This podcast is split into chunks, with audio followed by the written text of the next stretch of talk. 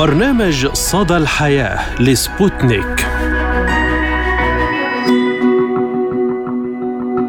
مرحبا بكم مستمعينا الكرام في حلقة جديدة من برنامج صدى الحياة. نقدمه لكم أنا فرح القادري. وأنا عماد الطفيلي. نتحدث اليوم عن مواضيع متنوعة وأهم أخبار الترند لهذا الأسبوع. ونبدأ الحلقة بموضوعنا الرئيسي حول ريادة المرأة السعودية في المجتمع وتحقيقها نجاحات في مختلف المجالات وأيضا عن التغيرات الحاصلة في مجال حقوق النساء في التشريع الملكي السعودي بالتزامن مع يوم التأسيس السعودي.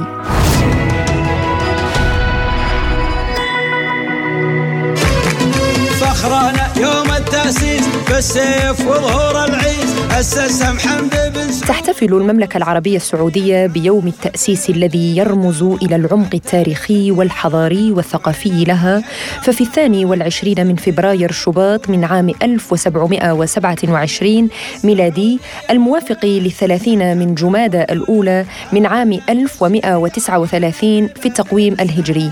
شهدت تلك الحقبة تولي الإمام محمد بن سعود رحمة الله عليه مقاليد الحكم في الدرعية وتأسيس الدولة السعودية الأولى إلى جانب العديد من الإنجازات الكبيرة في عهده. وفي السابع والعشرين من يناير لعام 2022 أصدر الملك سلمان بن عبد العزيز آل سعود قرارا ملكيا يقتضي بموجبه أن يكون يوم الثاني والعشرين من شباط إجازة رسمية في البلاد احتفاء بذكرى تأسيس الدولة السعودية وإظهارا للامتنان والاعتزاز بما قدمه الأجداد لهذا الوطن.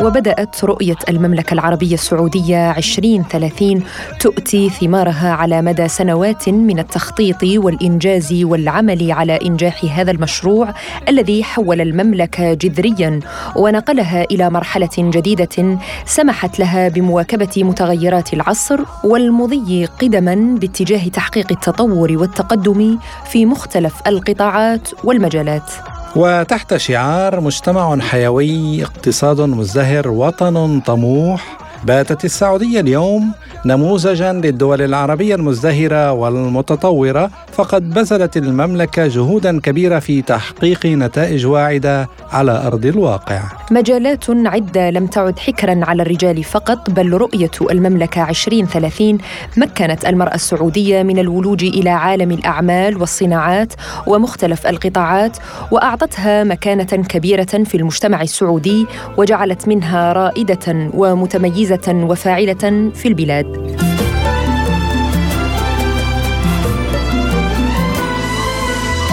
يا العظيمة يا الكريمة الملهمة بطلعت نهارك وعلى مدى سنوات حققت المملكة العربية السعودية تقدما واضحا في مجال تغيير القوانين المتعلقة بحقوق المرأة السعودية وإمكانية عملها بمختلف الأعمال وممارسة كافة نشاطات الحياة إن كانت العلمية أو المهنية أو الترفيهية.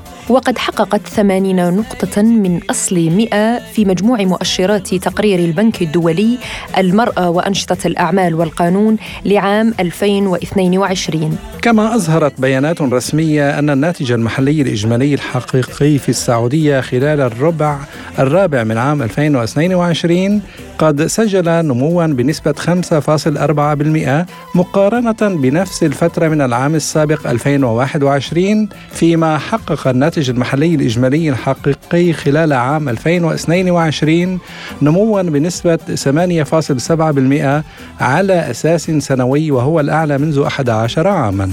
والمرأة السعودية كغيرها من النساء الناجحات والطموحات والرائدات في الأعمال أثبتت وجودها وقيمتها الاجتماعية واقتحمت كافة المجالات ليسطع نجمها في العالم. هي أم وأخت وزوجة ومعلمة وطبيبة وأستاذة جامعية وباحثة وحقوقية ومهندسة ومصممة ورائدة فضاء وقائدة قطارات وطائرات وغيرها.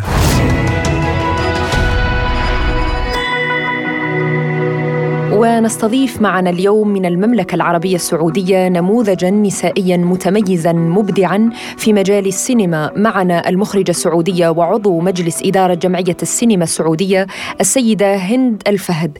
أهلا وسهلا بك سيدتي. وبداية كل عام والمملكة وشعبها الكريم بألف خير. أبدأ معك من إنجازات المملكة العربية السعودية ورؤية 2030 إلى غاية الآن في تمكين المرأة بمختلف القطاعات. كيف ترين هذه الخطوات التي شقتها بلادك إلى اليوم؟ بداية كل الشكر لكم للتهنئة وأسأل الله أن يديم آه أنه الأمان والتطور والازدهار للمملكة العربية السعودية في يوم التأسيس اليوم الذي آه من 300 سنة وهذه المملكة آه تثبت في كل مرة أنها بلد مختلف وأنها بلد عزومة ومقدامة في في تثبيت رواسيها وفي تثبيت حضورها في خارطة العالم بشكل أكبر حتى عهدنا الحالي المملكة الآن تعيش آه تعيش مرحلة مهمة ومرحلة آه انعكاسها واضح جدا سواء على الصعيد الداخلي المحلي أو حتى على العالمي. وكيف ترى المملكة؟ نحن نعيش الآن عصر ازدهار آه هو نتاج هذه الثلاثمائة عام. من التأسيس 300 300 عام من من من الدولة السعودية الأولى والثانية والثالثة والمرحلة الحالية التي نعيش فيها. في هناك تغيرات وهناك إنجازات على كافة الأصعدة التي تخدم صراحة الإنسان السعودي بالدرجة الأولى ومؤمنة بالفرد السعودي بالدرجة الأولى وإمكاناته وكيف هذا الفرد أو هذا الشخص عامل مهم في النماء، عامل مهم في تطوير البلاد، عامل مهم في تقديم الصورة الأمثل للمملكة العربية السعودية. حقيقة نحن نعيش عرس كبير جدا ولله الحمد في المملكة العربية السعودية آه الازدهار التطور التغير الإقبال الجاد جدا والمدروس آه للحياة وللتغير وللإنجاز آه سواء على الصعيد الفرد أو على صعيد الوطن أو حتى على صعيد عالمي سيدة هند مشاركة المرأة قبل هذه الرؤية كان تقريبا 19% واليوم يتجاوز 33% ورأينا كيف أن المرأة السعودية اليوم قائدة ورائدة في عدة قطاعات من التقنية والهندسية والاتصالات والرقمنة وقيادة الطائرات والأمن والإعلام والأفلام والفن وغيرها الكثير من القطاعات يعني كيف ترين تأثير إشراك المرأة السعودية اليوم على واقع المجتمع وتطوره؟ منذ بدء الدولة والمرأة شريكة آه وإن كانت يعني لم لم تكن آه واضحة مسبقا هي شريكة آه في شريكة في البلاد، شريكة في صنعها، شريكة في التأسيس، شريكة في في في كل في كل مناحي مناحي التطوير ومناحي أمانة الصورة الصورة السعودية. قد لا نكون حاضرات مسبقا في الصورة في الصورة العامة لكن لكن داخليا تستطيعين رؤية المرأة حضور المرأة. بشكل بسيط مسبقا الآن زادت النسبة إيمانا بأن المرأة النساء شقائق الرجال وإيمانا بأن المرأة لها دور فعال في وطنها لها دور فعال في في في خدمة هذا الوطن وفي تقديم الأفضل لبلادها. آه وهذا انعكس آه كثير جدا صراحة على على المناصب اللي وليت فيها النساء، التمكين اللي حدث للنساء في كافة الأصعدة وكافة المجالات اللي كانت حكرا على الرجال مسبقا، آه والمرأة أثبتت جدارتها وأثبتت إنها آه قوتها وأثبتت إنها فعلا آه تستحق كما هي دائما. الآن هي فقط ظهرت في الصورة بشكل أوضح وبشكل أكبر، مؤمنين يعني إيمان البلد أو إيمان إيمان قيادتنا الرشيده في دور الفرد السعودي ذكرا كان أو أنثى. آه هو هو أجمل واهم صراحة آه أهم الدوافع في ان نعطي كأفراد وأن نقدم للبلد كمواطنين آه محبين لهذه البلد. وفعلا محبين لهذه البلد وهذه البلد تعطينا الممكنات اللي تخلينا نبرز بشكل أكبر وتجعل آه المهارات تتضح بشكل أوسع. وهذا جلي من حضور المرأة السعودية سواء على صعيد داخلي أو خارجي في مناصب حساسة في مناصب قيادية كبيرة وزيرة الخارجية في وزارة الخارجية في في في قطاع التصنيع في قطاع في قطاع الدفاع والقطاع الأمني في قطاع الفنون والسينما وكافة القطاعات اللي كانت حاضرة فيها المرأة مسبقا.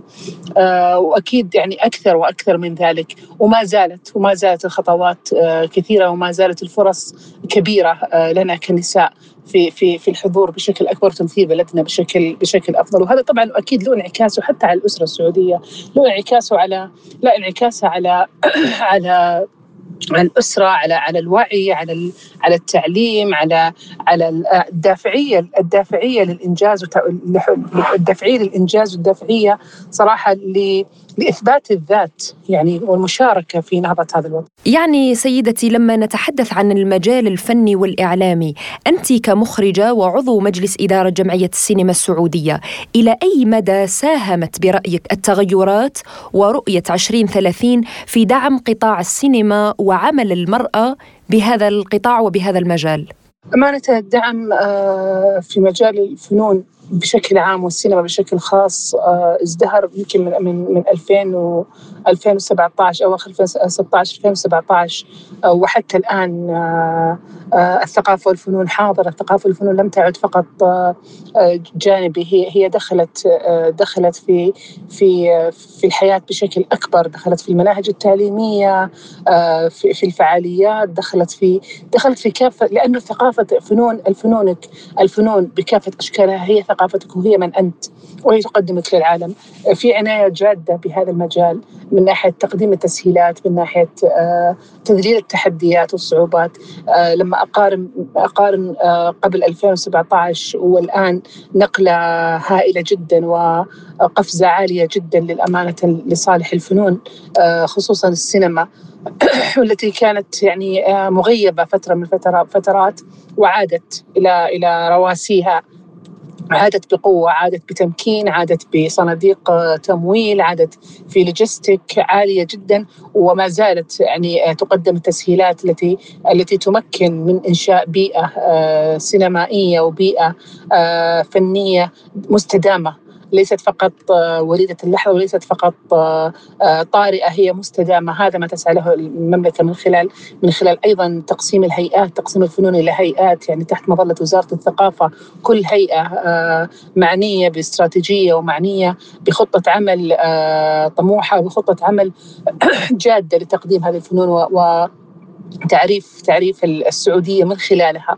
آه، في السينما في السينما بالتأكيد حضور المرأة آه، مسبقا كنا كنا موجود موجودات في السينما لكن الآن بشكل أوضح وبشكل أكبر ومحل وأصبحنا نشارك داخليا وأصبحت الفعاليات السينمائية تقام داخليا.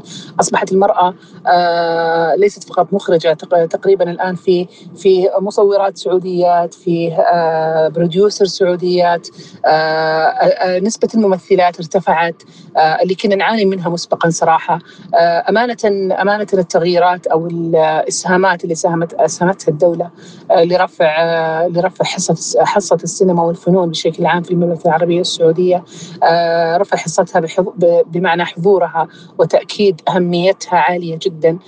وما زالت المسيرة يعني متق... وما زالت المسيرة يعني أمامنا طويلة والجهد مننا أعلى. وبالعكس فخورين جدا صراحة. إحنا نقدم نقدم هذا الشيء أو نشارك في في في صنع الصورة السينمائية السعودية حول العالم.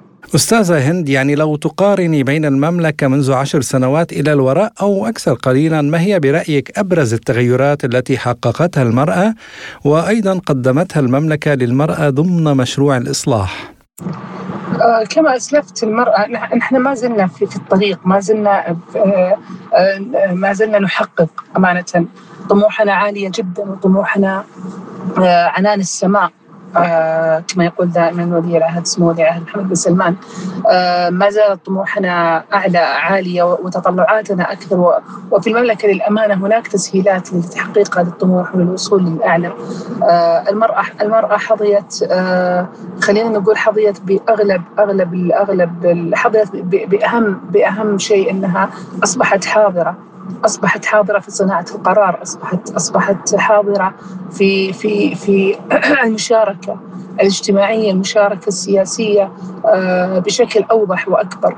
آه، ما زال بالتأكيد هناك آه، هناك هناك تطلعات أكبر وهي تدرس وهي ضمن ضمن ضمن المشاريع اللي المفروض تطرح خلال خلال خلال أكيد يعني مسيره هذه التغييرات اللي نعيشها في المملكة العربية السعودية من خلال رؤية 2030 رؤية 2030 تمكن الفرد بغض النظر تمكن الكفاءة آه، بغض النظر عن الجنس ذكر أو أنثى.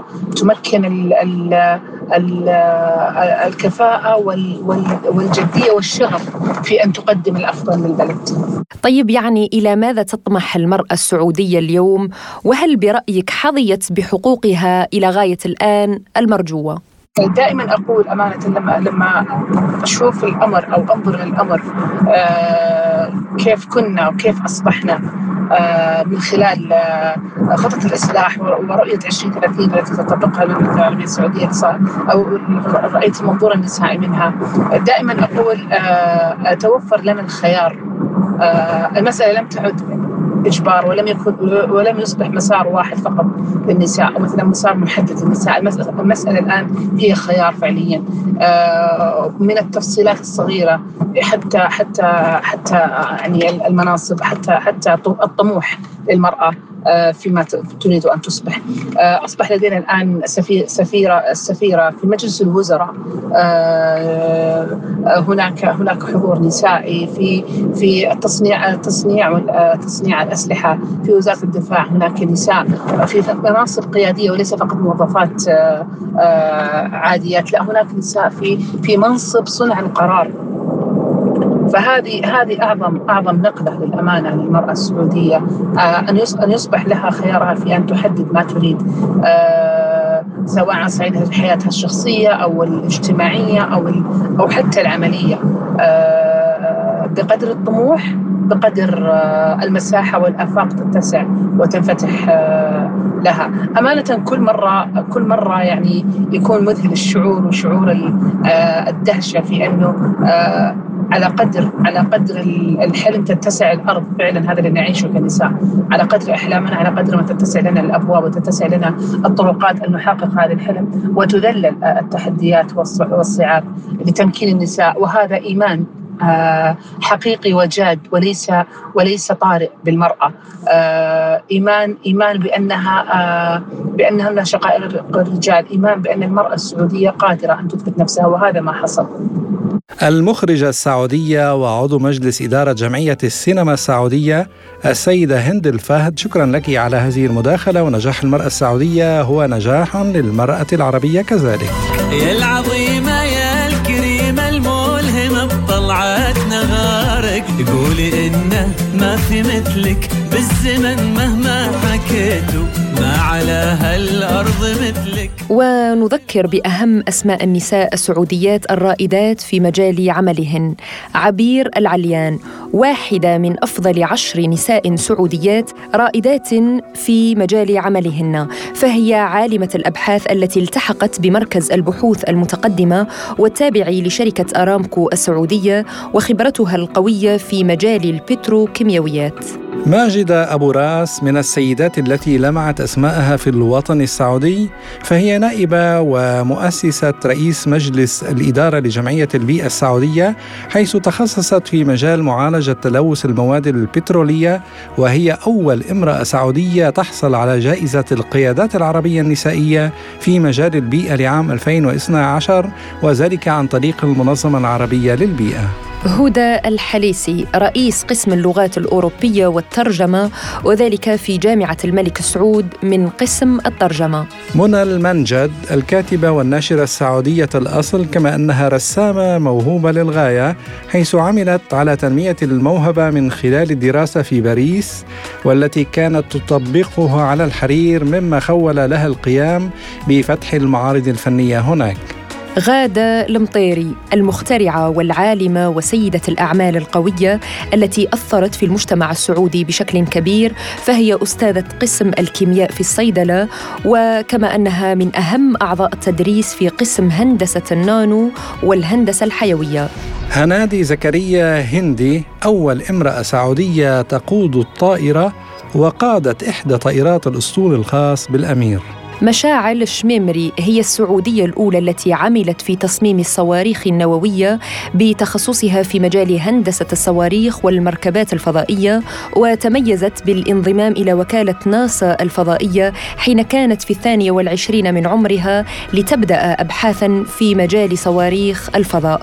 والكثير الكثير من أسماء النساء الرائدات في مختلف القطاعات سواء العلمية والتقنية والهندسية وغيرها.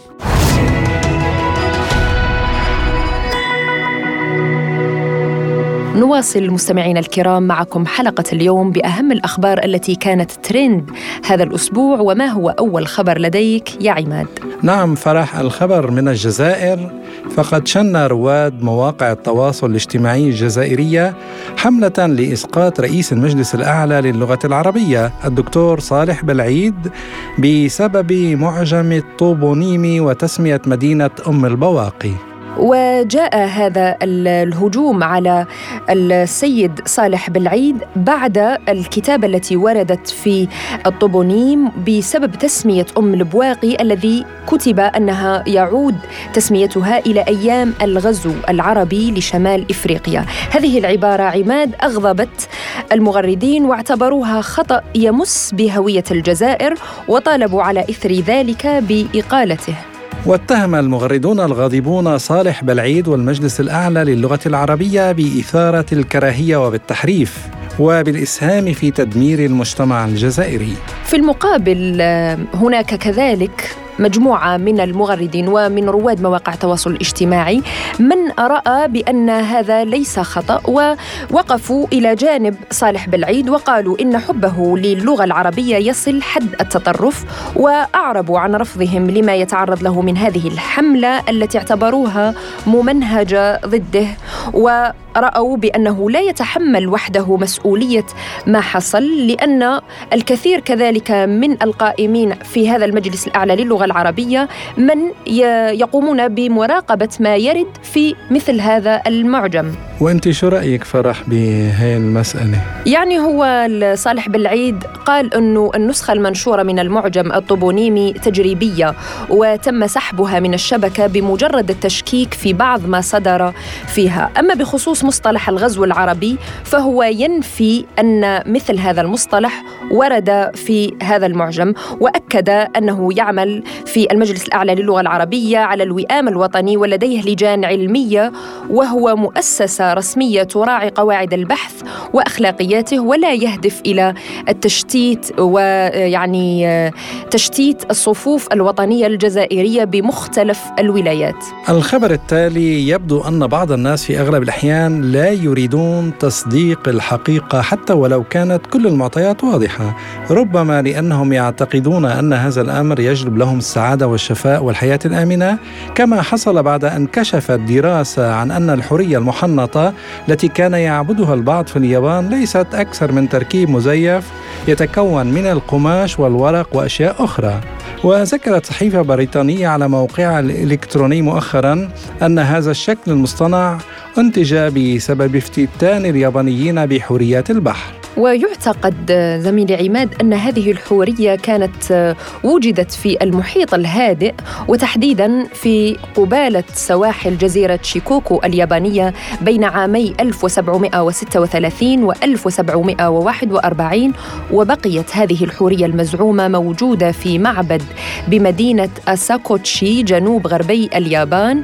وتقول الأسطورة إن لهذه المومياء القدرة على منح الخلود حتى أنه خلال خلال جائحة كورونا جرى التضرع بها وطلبوا منها يعني الذين يعبدون هذه المومياء درء خطر الفيروس المميت عنهم. ولكن العلماء شككوا في حقيقتها واعتقدوا في البداية أن لها ذيل سمكة جرى وضعه أسفل الجسم واحدة من الرئيسيات وجرى إخضاع الحورية المحنطة لفحص بالأشعة المقطعية للوصول إلى الحقيقة.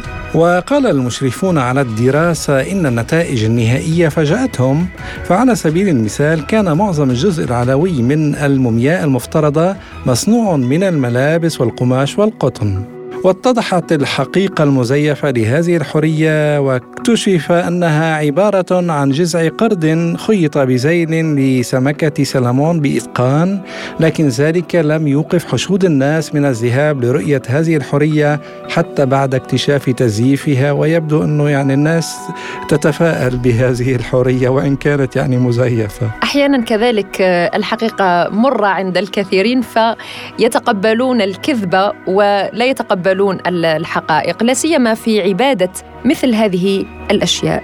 وإلى مصر مقبرة كذلك مزيفة في بني سويف حيث أمرت النيابة العامة في مصر بسرعة إحضار مجموعة من المتهمين للتحقيق معهم حول المقبرة المكتشفة حديثا.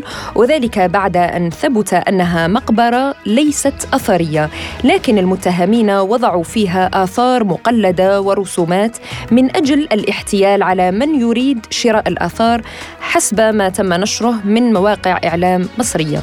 وقال الأمين العام للمجلس الأعلى للاثار المصرية مصطفى وزيري في تصريحات صحفية إن النصابين قاموا برسم جدران المقبرة المزيفة ونقشها بالكامل في مدة لا تزيد عن عام فقط.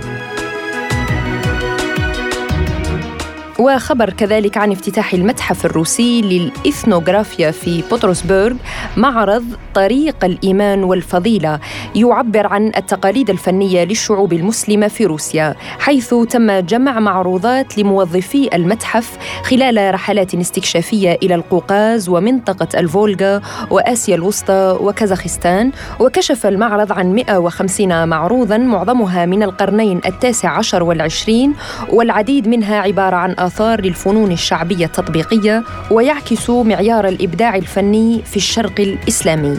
ويتمكن زوار المعرض من رؤية سجاد الصلاة والزخارف المختلفة والأزياء الإسلامية والكشكول والتي يعود تاريخها إلى القرن الثامن عشر وحتى تفاصيل إيوان جزء من مسجد محاط بجدران من ثلاث جهات ومفتوح من الجانب الرابع. ولا يخلو المعرض كذلك من مصحف للقرآن الكريم. نشير كذلك هنا مستمعينا الكرام إلى أنه اليوم الثالث والعشرين من فبراير يصادف عيد حماة الوطن في روسيا وهو يوم المجد العسكري الروسي ويتم الاحتفال به أيضا في عدد من البلدان الأخرى في رابطة الدول المستقلة. ويعتبر يوم المدافع عن أرض الآباء هو يوم عطلة للرجال والنساء والذين شاركوا في الدفاع عن وطنهم. نتمنى النصر والاستقرار لروسيا وللشعب الروسي المكافح والمناضل. وكل عام لكل من خدم ويخدم وطنه في أي دولة في العالم لأنه يعتبر حامي هذا الوطن. ونختم الحلقة بمعلومة طبية مفيدة.